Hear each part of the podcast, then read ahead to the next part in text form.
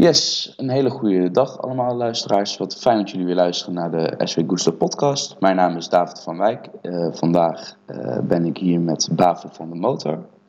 Goedendag, excellent. Goedemorgen David. Goedemorgen. Uh, dank je dat ik mocht komen. Natuurlijk.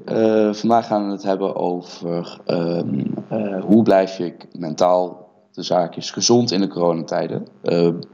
Bavo is studentenpsycholoog en wat doe je dan precies eigenlijk allemaal? Een heleboel. Uh, ik, ben, ja, ik studentenpsycholoog. Ik ben onderdeel van een team van zes studentenpsychologen hier op de Hogeschool Arnhem-Nijmegen. en wij, wat doen we allemaal? Ja, zoals ik zei, een heleboel. Ik denk dat je, om te beginnen onze primaire taken, dat, die, dat je die kunt omschrijven als enerzijds het doen van intakes en begeleidingen. Dus wij zien enerzijds studenten die zich aanmelden. Gaan we met hun in gesprek voor ja, drie kwartier, een uur. Dan gaan we kijken wat er aan de hand is, hè, hoe, hoe uh, bepaalde dingen zich ontwikkeld waar, hebben, waar dat ze tegenaan lopen. Um, daarnaast hè, gaan we dan ook kijken van nou, hoe zouden ze nu zo'n student kunnen helpen. Kan dat bij ons op de afdeling? Kunnen wij iets aanbieden uh, dat aansluit bij de hulpvraag die dat zij hebben? of is het eerder zo dat Ehm, dat we verder moeten kijken, dat we moeten gaan kijken van is het toch nodig om ergens anders uh, hulp uh, te zoeken. Um, daarnaast doe ik een hele hoop begeleiding. Ik doe een hele hoop individuele begeleidingen. Uh, en ik doe een hoop groepsbegeleidingen. We bieden een aantal groepen aan rondom verschillende thema's. Zoals faalangst, studiestress, maar ook uitstelgedrag, onzekerheid, zelfbeeld, Um, uh, we doen ook rondom mindfulness uh, geven een groep. Uh, dus we, bieden heel, we hebben een heel breed pakket aan begeleidingen die we kunnen aanbieden. En enerzijds ga ik dan de student eerst zien bij de eerste contact bij onze afdeling. En anderzijds, als die begeleid wordt bij ons op de afdeling, dan doe ik ook een hoop begeleidingen, net zoals mijn collega's. En daarnaast heb ik ja, een aantal ontwikkeltaken. Um, hoe kan ik de afdeling uh, naar de toekomst toe ervoor zorgen dat we de studenten zo goed mogelijk um, kunnen bieden wat dat ze nodig hebben gezien, maatschappelijke thema's gezien waar dat ze tegenaan lopen, zoals nu bijvoorbeeld met de coronacrisis. Dan gaan we kijken van hoe kunnen we nu ervoor zorgen dat we het nodige kunnen bieden voor de studenten die dat nodig hebben op dit moment. Oké, en dat heet dan studiesucces? Nou, um, dat, dat, is, uh, dat moeten we nuanceren. Um, ook omdat we nu een beetje in een overgangsfase zitten. Wij als afdeling, wij heten echt studentenpsychologen. Um, dus wij als afdeling kunnen we, kan je echt zien als wij zijn met uh, zes studentenpsychologen die dat studenten zien en begeleiden. Um, wij maken deel uit van het netwerk studiesucces. Uh, en het netwerk studiesucces is, en nu ben ik een beetje in de verleden tijd aan het praten, uh, is het netwerk van alle, alle tweede lijnsbegeleidingen uh, op de hogeschool. Dus als een student tegen iets aanloopt, dan het eerste aanspreekpunt is docent of SLB'er.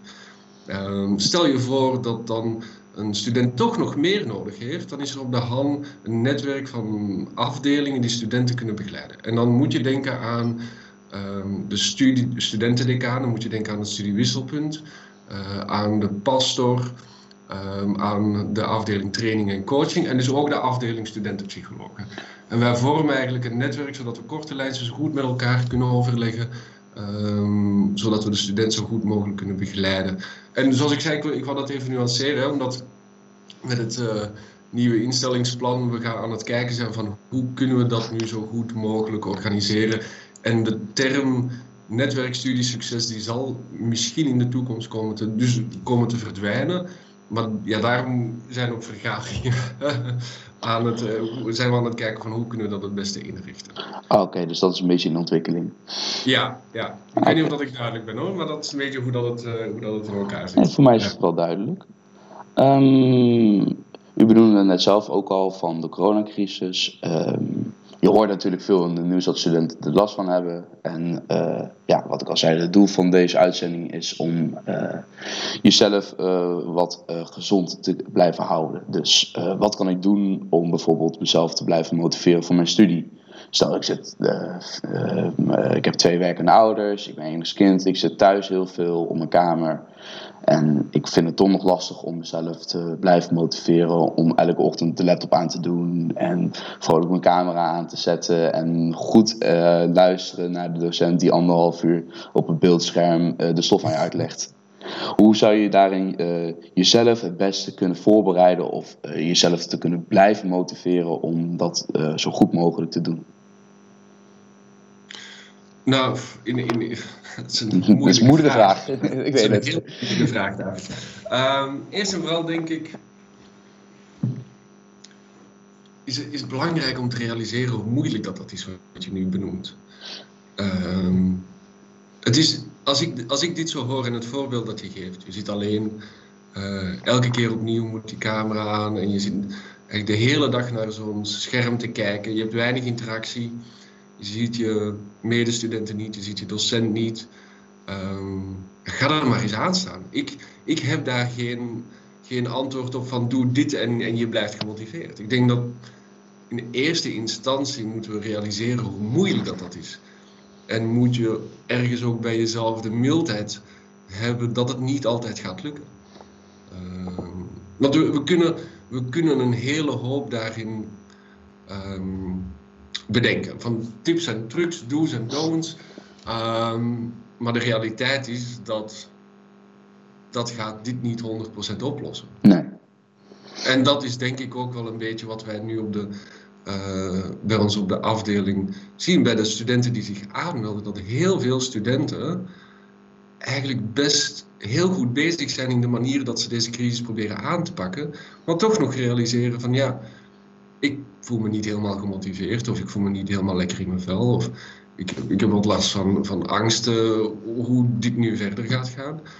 En dat is heel opvallend. We, we zitten in ze noemen het vaak een beetje de, de grootste maatschappelijke crisis sinds, uh, sinds de Tweede Wereldoorlog. En dat, ja, dat, is ook zo. En je moet realiseren dat dat een impact heeft op hoe dat we ons voelen, hoe dat we ons gedragen, hoe dat we, um, uh, hoe dat we denken. En dat is gewoon echt knetterlastig om gemotiveerd te blijven. We leren in groep. Hè. Onze, de kracht van de mens zit in de samenleving, in samen zijn en, en leren is eigenlijk een sociaal-emotionele activiteit. We doen dat samen, we doen dat niet alleen. Dus van het moment dat je constant alleen achter zo'n computer zit, ja, dan wordt het gewoon echt heel lastig. Um, we kunnen wel gaan kijken van, oké, hoe kan je nu je structuur goed houden? Hoe kan je de basis van je mentale gezondheid goed houden? Hoe zorg je ervoor dat je jezelf goed verzorgt? Maar tegelijkertijd denk ik ook dat we moeten realiseren dat het af en toe eens niet gaat lukken. En dat dat ook mag, dat het af en toe eens niet lukt. Uh, dat we af en toe niet de motivatie hebben om die camera aan te zetten, om geconcentreerd te zijn.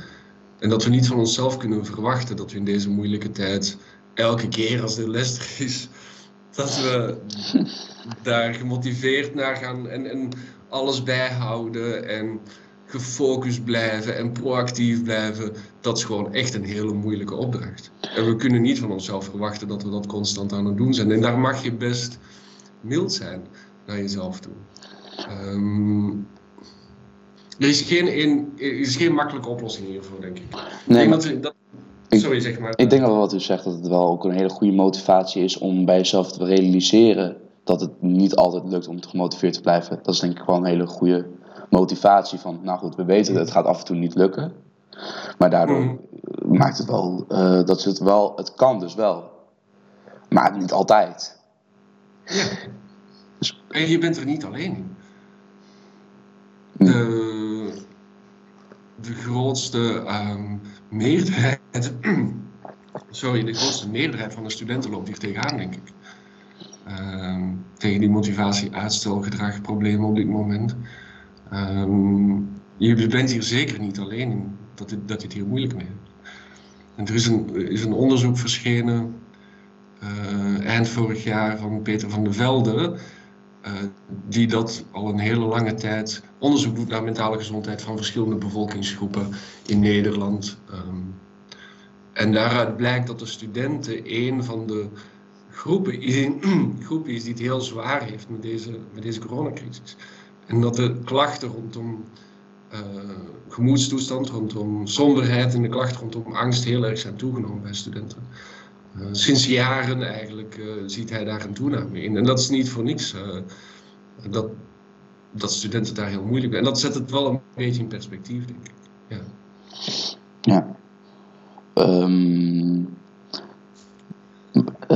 maar voor bijvoorbeeld structuur inbrengen. Um, wat zou u kunnen aanraden? Een rondje gaan lopen of vooral dicht bij jezelf te gaan kijken? Want ik denk dat er heel veel studenten er wel uh, heel erg creatief in kunnen zijn, maar ik denk af en toe nog wel even een, een duwtje in de goede richting nodig hebben. Um, wat zou dat duwtje in de goede richting kunnen zijn?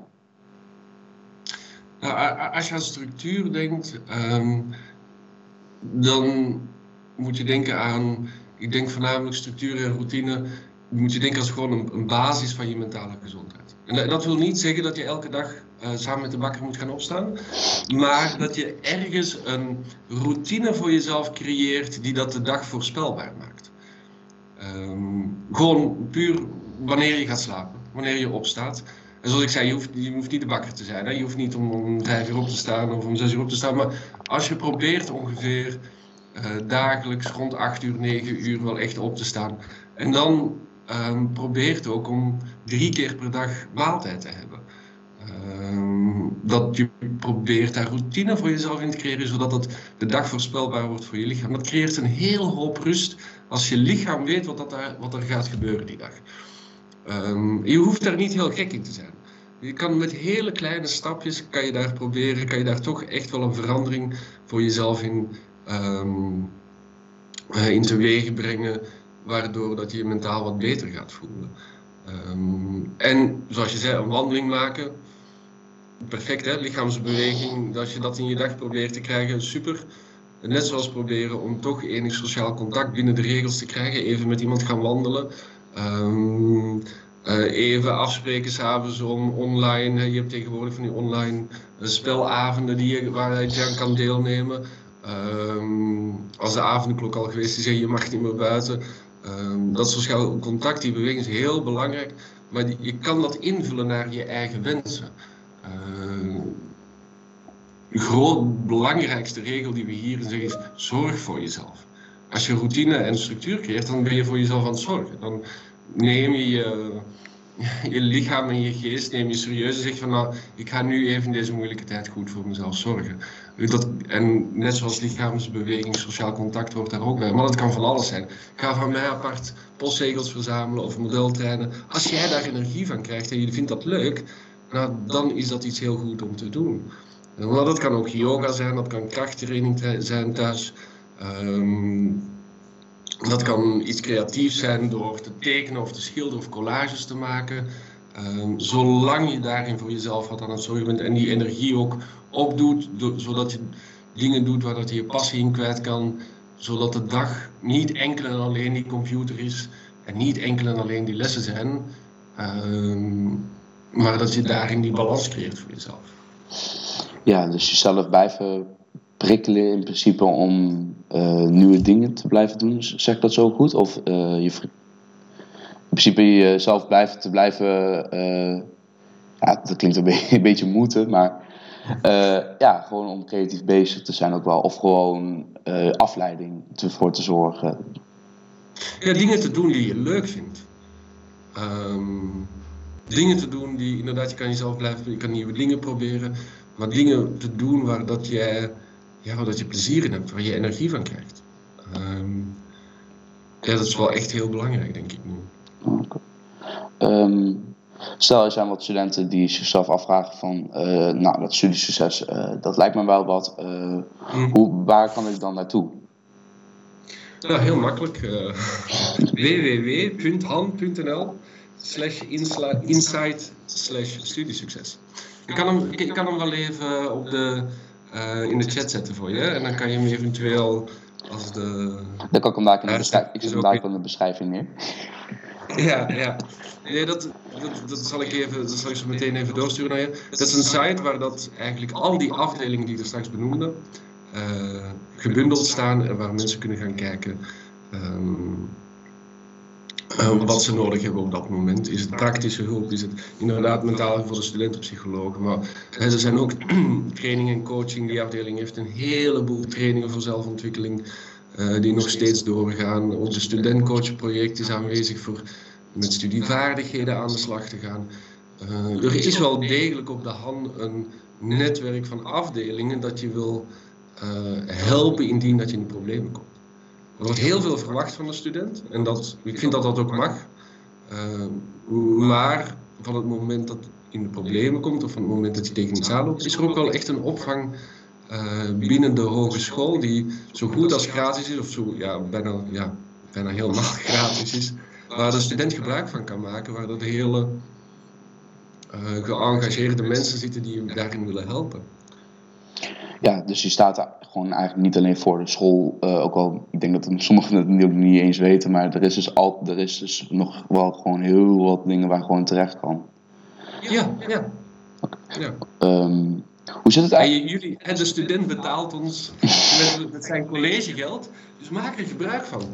Ja, ja wij werken niet via verzekeringen, wij werken niet via huisartsen. We, we zijn echt voor binnen de hogeschool, voor de studenten.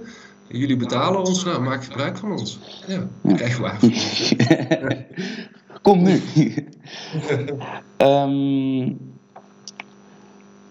stel, um, ze, uh, ze, hebben zich aangemeld uh, daarvoor en ze merken bij zichzelf van dat ze toch wel hier uh, iets mee moeten doen. Dat ze bang zijn om studievertraging op te lopen, maar ze zijn toch nog bang om ja, dit aan school te melden ze hebben bijvoorbeeld geen contact met leraren, waardoor het een beetje vreemd lijkt om over jezelf te praten. Hoe kan je dat dan het beste aanpakken, denkt u? En, uh, bedoel je dan hoe dat, hoe dat ze zich aanmelden bij, bij ons? Of wat? Bij school. Bij school. Stel, het gaat even niet zo goed met een uh, student. Ze, voelen, ze, voelen, zich niet helemaal happy. Ze merken dat school eronder leidt. Maar je hebt in mhm. principe geen contact met een leraar in die zin. Het, ja, eenzijdig contact. Dus alleen maar ontvangen. Nee, natuurlijk. Ja. Mijn eerste advies zou zijn om in, in je omgeving even het gesprek aan te gaan. Um, kan, kan zijn met, met familie, kan zijn met vrienden. Gewoon even uit van, hé, hey, het loopt niet zo lekker. Ik merk die motivatie, of ik, ik, voel me niet lekker, ik zit de hele dag op mijn kamer. Dat, het is echt helemaal niks voor mij, ik mis mijn vrienden. Om dat gewoon al even te uiten. Um, je, je kan het je kan die, als je die drempel heel moeilijk vindt om met je docent of met je SLB'er daar in gesprek te gaan, je kan ook rechtstreeks met ons contact opnemen. Je kan rechtstreeks met ons een, een, een intake aanvragen. Je hoeft niet via je docent of je SLB'er te gaan. Um, maar mijn eerste advies zou zijn is om zo dicht mogelijk bij je omgeving te kijken. Uh, waar voel, bij wie voel je je veilig? Bij wie zou je dit even willen delen? Um, het kan, kan een, in je relatie zijn, kan uh, je vader of je moeder zijn of je grootouders, maar je gewoon al even uitspreken. Um, of je kan wachten, je kan even kijken wat is er nu. Je kan je die site bekijken van, van uh, Hans Studie Succes en van de, van de psychologen of van uh, de decanen kan je even bekijken. En van daaruit kan je het dan alsnog, het, doe het op je eigen tempo zou ik zeggen. Um, maar kijk eerst en vooral wie, wie in je omgeving is veilig. Ook met medestudenten denk ik is het wel belangrijk om daarin goed voor elkaar te zorgen. En wat je zal vinden, denk ik, en wat mijn ervaring daarin is, is dat er heel veel erkenning zal komen één keer dat je dat geuit hebt. Eén keer dat je zegt van, hé, hey, ik trek het niet zo goed. Wat wij heel erg merken is dat dan de omgeving zegt van, oh ja, dat herken ik wel. Ja, het is ook gewoon echt wel heel moeilijk op dit moment. Ja. Je, je goed voor elkaar zorgen. Uh, hoe zou je dat het beste voor elkaar kunnen doen? Nou, af en toe eens even bij iemand vragen en echt vragen hoe dat het gaat. En kijk naar de mensen die het wat, um, die dat typisch het wat moeilijker hebben. Mensen die misschien, um, waarvan je weet, die heeft niet zo goed contact met zijn ouders. Nou, af en toe eens even een, een bericht sturen van, hey, hoe gaat het, trek je het nog? Um, echte interesse tonen in je medestudent. Als je merkt dat iemand wat vaker afwezig is tijdens de lessen. Nou, even gewoon, en je hebt daar best wel goed contact mee. Even oprecht vragen van, nou, ik zag dat je er niet was, alles oké daar? Um, of tijdens de tentamenperiode is nu net voorbij. Maar uh, als het tentamens zijn, echt die, die oprechte nieuwsgierigheid naar elkaar toe. Hoe gaat het nu? Uh, en tegelijkertijd daar ook jezelf durven kwetsbaar in opstellen. Van, van hoe gaat het? Ik merk dat ik er zelf wat moeite, hoe gaat het nu met jou? Uh, ja, die handreiking is toch denk ik nog altijd de eerste stap naar voor elkaar zorgen daarin. Ja, oprechte interesse. En ook wat, je, uh, wat je zegt, uh, uh, je merkt dat iemand een beetje veel afwezig is in de les. Ik merk dat dat best wel tot frustratie leidt onder andere studenten. Mm. maar ik vind het eigenlijk wel, wel iets goeds om dan te zeggen in plaats van, nou hij is er nooit bij de les. Om dan te zeggen van, waarom is hij eigenlijk nooit bij die les? Gaat het wel goed met de hygiëne? Ja. Um, ja, want we, we kiezen een studie voor een reden. Ja. En als we er dan als dan het gedrag zich voordoet dat iemand niet komt of dat iemand afwezig is, of, dat heeft vaak een reden. Dat is niet dat. En, en wij zijn, we zijn dan van nature heel makkelijk in te zeggen van ah, het is irritant. En ik, maar vaak heeft dat wel echt een. Er is een goede reden waarom dat iemand er vaak niet is. En dan is het ook wel handig om die oprechte interesse te tonen. Want er kan een moment zijn dat het jezelf overkomt. Dat je zelf even niet de energie voelt om de lessen te volgen en uh, het even niet uh, niet kunt opbrengen. En dan is het denk ik ook wel, dan zou je misschien ook wel willen dat iemand, in plaats van te zeggen van nou irritant dat er niet is, van hé, hey, hoe komt het nu dat iemand hier er niet is? Wat is de reden daarvoor? Ja. Dat zeg je mooi, David. Um, de acht, ik achterkans groot dat we dadelijk in een derde golf komen. Um, hoe kan je jezelf bewapenen uh, tegen weer de derde golf? Dus zeg maar, nu komen er best wel veel buiten zijn en zo. Maar ja. hoe kan je jezelf bewapenen tegen het negatieve nieuws dat waarschijnlijk komen zal? Mm Ja, als ik, het, als ik het antwoord zou weten, dan mag je het mij vertellen. Nee, het, het is ja, het is een lastige. En um, ik, ik, denk dat we moeten gaan leren van hoe, wat heeft ons geholpen om door de eerste en de tweede golf door te komen. Wat is voor jou daarin, wat heeft je geholpen? Het kan zijn dat dat, dat een wandeling maken is, het kan zijn dat toch de, ja, de sociale contacten die we hebben kunnen uh, laten doorgaan, dat die ons erdoor heeft geholpen. Tegelijkertijd er komt een soort van ja, ik wil bijna zeggen uitzichtloosheid, en, en dat, dat, is het niet helemaal, maar de, mensen zijn, ja, zijn het wel echt serieus beu. En zeker dat negatieve nieuws. En wat je, um, dat, toen ik dat hoorde, is misschien iets waar ik wel op wil inhaken. In de zin van, we, we zitten zoveel op, ons, op onze mobiel. We krijgen zoveel informatie, zoveel nieuws onze kant uitgestuurd. Dat we soms wel ja, acht, acht, negen, tien verschillende artikels over coronacrisis zien langskomen op een dag. Met allemaal net iets verschillende informatie op. Wat ons niet aan het helpen is. Um, er is onderzoek geweest over nieuwsinput. Um, en achterdochtigheid binnen quarantaine en binnen een crisis. En wat blijkt is dat hoe meer input van nieuws je krijgt, hoe groter de kans is dat je gevoelens van, van achterdocht, gevoelens van paranoia gaat krijgen richting wat er aan het gebeuren is. Mijn advies zou zijn is om het nieuws ja, maximaal, um, maximaal twee à drie keer te checken op een dag. Niet te veel die nieuwsinput te krijgen. Uh, een aantal hele betrouwbare nieuwsites uit te kiezen die maximaal 1, 2, 3 keer per dag te checken. Dan heb je echt genoeg aan wat er gebeurt in Nederland en de wereld. Um, want het risico is dat we een eindeloze stroom van negatief nieuws constant aan het lezen zijn de hele dag. Daar wordt niemand blij van en de situatie verandert niet. Um, heel veel van wat er gebeurt op dit moment is buiten onze controle. En het checken van het nieuws is een, lijkt een manier te zijn om daar controle op uit, te willen uitoefenen, of een gevoel van controle terug te krijgen. Realiteit is vaak dat het averechts werkt. Dat we nog veel meer het idee krijgen dat het buiten onze controle is. En er is ergens een kunst in wat dat er buiten onze controle is, um, buiten onze controle te laten. En de focus te gaan leggen op wat binnen onze controle is. focus te leggen op, zoals, hè, en dan ben een beetje een, een plaat die zichzelf aan het herhalen, zoals structuur, routine, ehm, lichaamsbeweging, sociaal contact. Al die dingen waar dat we wel controle over hebben, onze studie ook meer en meer, om te gaan kijken van hoe kan ik nu mijn aandacht, mijn focus daarnaar shiften in plaats van wat, hè, wanneer ga, ga ik gevaccineerd worden, wanneer gaat het klaar zijn, wanneer ehm, is die derde golf er, hoe, hoe erg gaat de lockdown zijn eh, bij de derde golf, wat gaat er gebeuren met alle festivals in de zomer. Ehm, al dat soort zaken hebben we eigenlijk heel weinig controle over. Ehm, en het is heel frustrerend om daar constant de aandacht op te hebben. Dus probeer die focus wat meer te leggen. Waar heb ik nu wel controle over? Waar kan ik invloed op uitoefenen? Hoe kan ik ervoor zorgen dat ik voor mezelf zorg, voor, mijn naasten en mijn geliefde zorg? Ehm, ik denk dat dat, dat, dat een, ja, een moeilijke oefening is, maar wel een waardevolle oefening is. Dus hoe bewapen je jezelf tegen de derde golf? Eigenlijk door jezelf niet te bewapenen. Maar ja, je kan jezelf wel bewapenen eh, door te kijken wat kan ik nu voor mezelf doen in mijn eigen leefwereld, Ja. voor mezelf en voor de mensen rondom me. Eh, dat kan zeker, ja.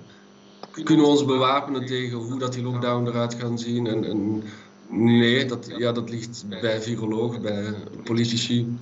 Ehm, daar hebben we allemaal een mening over. Mm, ja, maar goed, ja, daar hebben we heel weinig controle over. Ja. Ehm, welke positieve dingen heeft u gezien eh, door de coronacrisis? dat, is altijd, eh, dat is altijd een goede vraag, vind ik. En een, ik vind het ook een moeilijke vraag. Ik, als het eerste wat ik dacht, ik was toevallig gisteren met iemand aan het praten.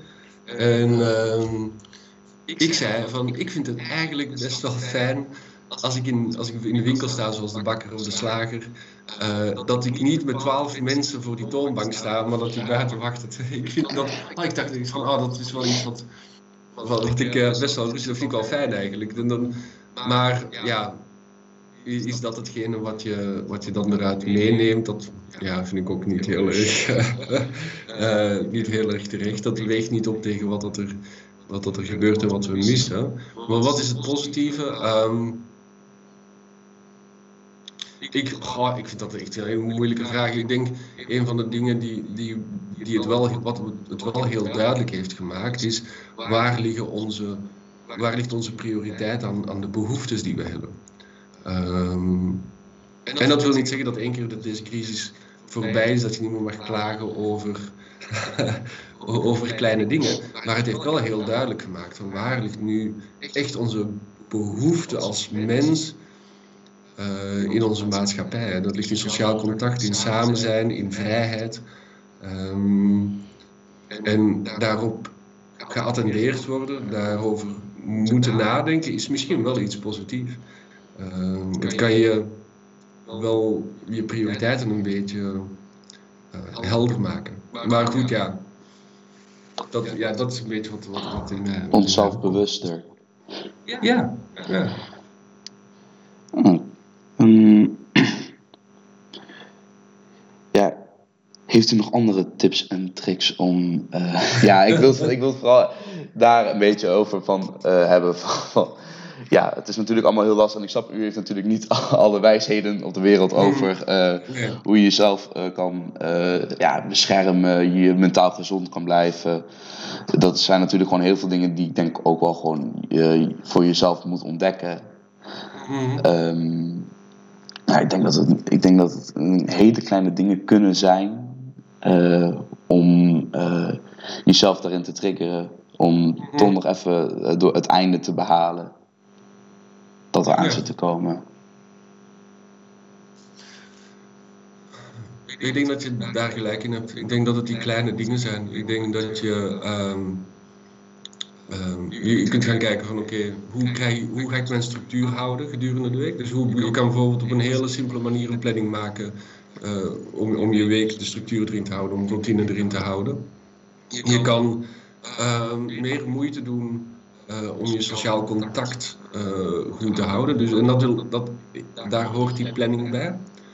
Ehm, dat je echt gaat inplannen van wanneer ga ik met iemand afspreken binnen, hè, binnen de, de maatregelen? Wanneer ga ik met iemand even wandelen?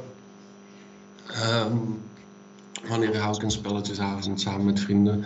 Ehm, hoe ga ik de verveling tegen? Echt even nadenken van hoe zorg ik ervoor als bijvoorbeeld zo'n derde golf tegenkomt. Wat ga ik doen om, om mijn, hersenen prikkelend te houden en die verveling tegen te gaan? Ga ik een boek lezen? Ga ik, ehm, ga ik koken? Ga ik wat, wat, wat, wat je interesseert?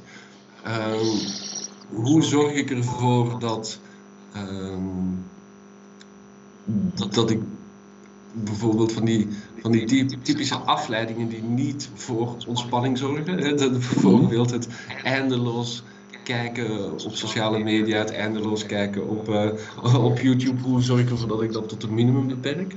Um, en het gaat over die kleine dingen. En dat wil niet zeggen dat je nu uh, bij jezelf moet gaan denken: oké, volgende week moet ik de meest productieve, meest zen meest uh, goede week in mijn leven gaan hebben. Maar het zijn die kleine stappen.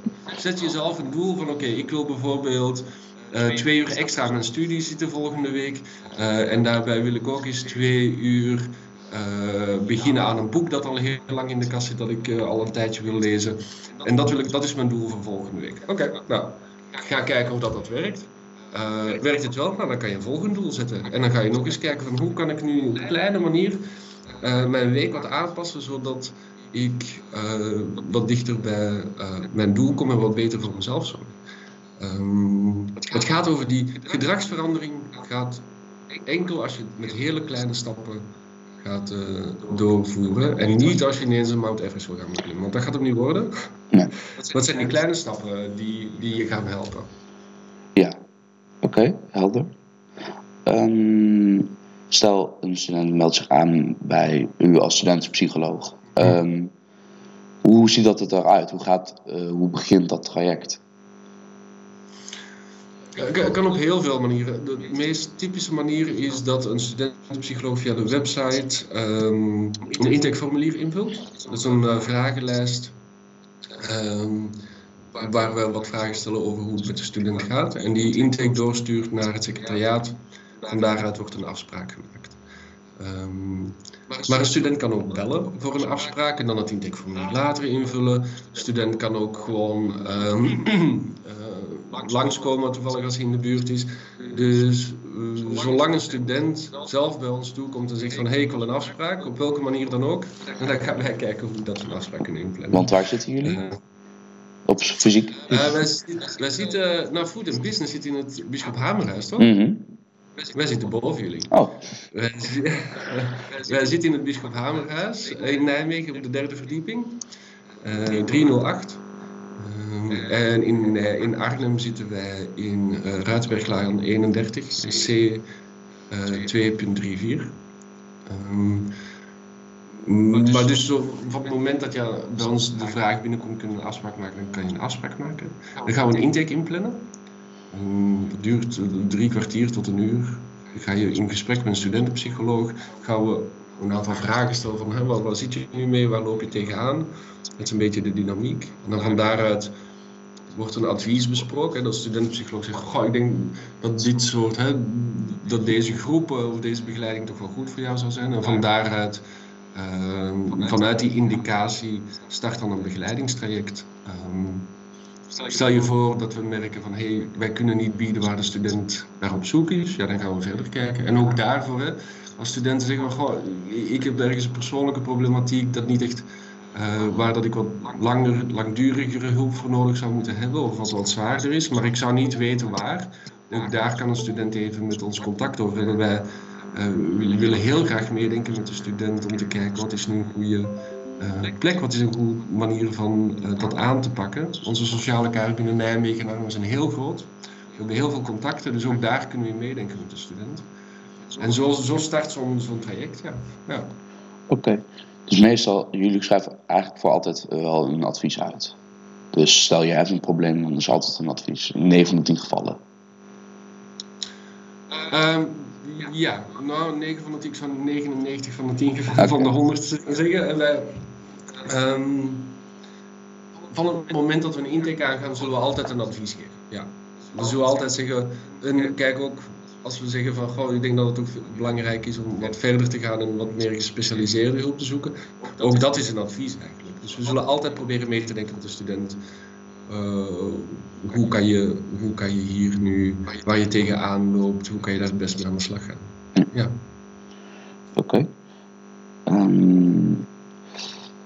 Zijn er nog in principe nog andere plekken waar studenten uh, nog terecht kunnen voor, voor vragen, bijvoorbeeld gewoon alleen enkel een vraag. Um, niet per se willen opgenomen worden, maar gewoon vragen over. Um, over, ja, precies van die het nog een beetje eng vinden om nog naar jullie toe te stappen. Uh, is daar nog eens een simpel e-mailadres voor of iets anders, een telefoonnummer? Ja, goed dat je het vraagt. Nou, wij gaan binnenkort een uh, open online spreekuur opzetten. Uh, waarbij dat studenten die twijfels hebben over aanmelding met ons even kunnen uh, overleggen met een van de studentenpsychologen. We gaan proberen dat wekelijks te doen. We doen dat zowel voor studenten als voor medewerkers. Om even te, als een student met twijfel zit of gewoon een vraag zit, dan kan hij ons daarover bereiken via het online open spreekuur. Dus dan hoef je geen afspraak te maken. Dat wordt allemaal via onze website gecommuniceerd. Um, uh, dus ik denk dat dat de beste manier is om dan even je vraag te stellen. Ja, maar ook voor de workshops en zo, hou vooral jullie website een beetje in de gaten. Ja, hou onze website, hou ook de nieuwsbrief in de gaten daarover. Um, en ja, op onze website staat ook hè, de groepen die we geven. Er staat er een uitleg bij uh, hoe lang dat zo'n groep duurt, wat je kan verwachten, wat de inhoud is van zo'n groep. Um, dus ja, ga er eens naar kijken. Als je denkt van, goh, ik merk dat ik best wel veel stress heb voor een tentamen of zo, dan zou zo'n groep omgaan met studie of phalanx iets voor mij zijn. Of, um, uh, ik merk dat ik tegen onzekerheid in mijn stage aanloop, dat ik moeite heb om vragen te stellen aan mijn stagebegeleiders, om, nou, zou ik daar bij de studentenpsycholoog bij terecht kunnen. Dus ja, we houden onze website in de gaten. En we denken ook, ja, die eerste intake is altijd heel vrijblijvend. Als wij een advies geven en jij zegt van nou ik ben het niet eens of ik, ik, ik ga het toch niet doen, ja, even goede vrienden, dat is je recht. Wij zijn niet, wij, wij kunnen je niks verplichten of zo. Zo'n eerste intakegesprek is altijd heel vrijblijvend, verkennend. Um, en we proberen daarin die drempels zo laag mogelijk te houden. Ja. ja. Uh, zijn die workshops, het deelnemen daarvan, is dat uh, anoniem of gaat dat via Teams? Dat je je naam in beeld ziet. Stel mensen willen liever samen zeggen, mm -hmm. dat ze deelnemen met uh, hoe ga ik om met angstaanvallen.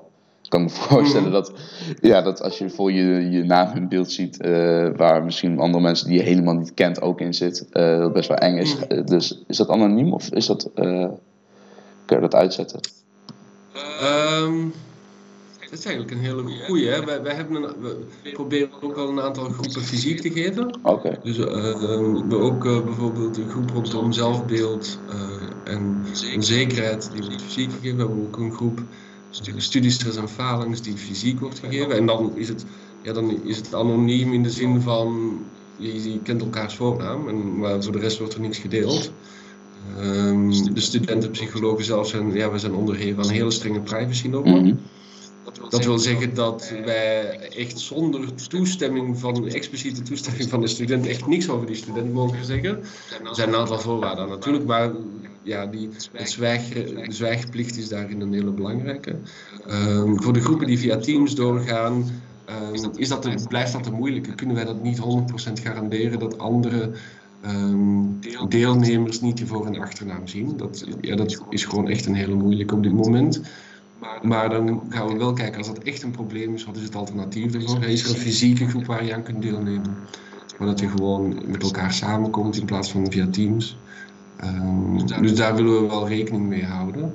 Uh, en, en, kijken naar een oplossing, zodat je zo anoniem mogelijk kan, uh, kan deelnemen aan zo'n groep en je zo veilig mogelijk voelt. Ja.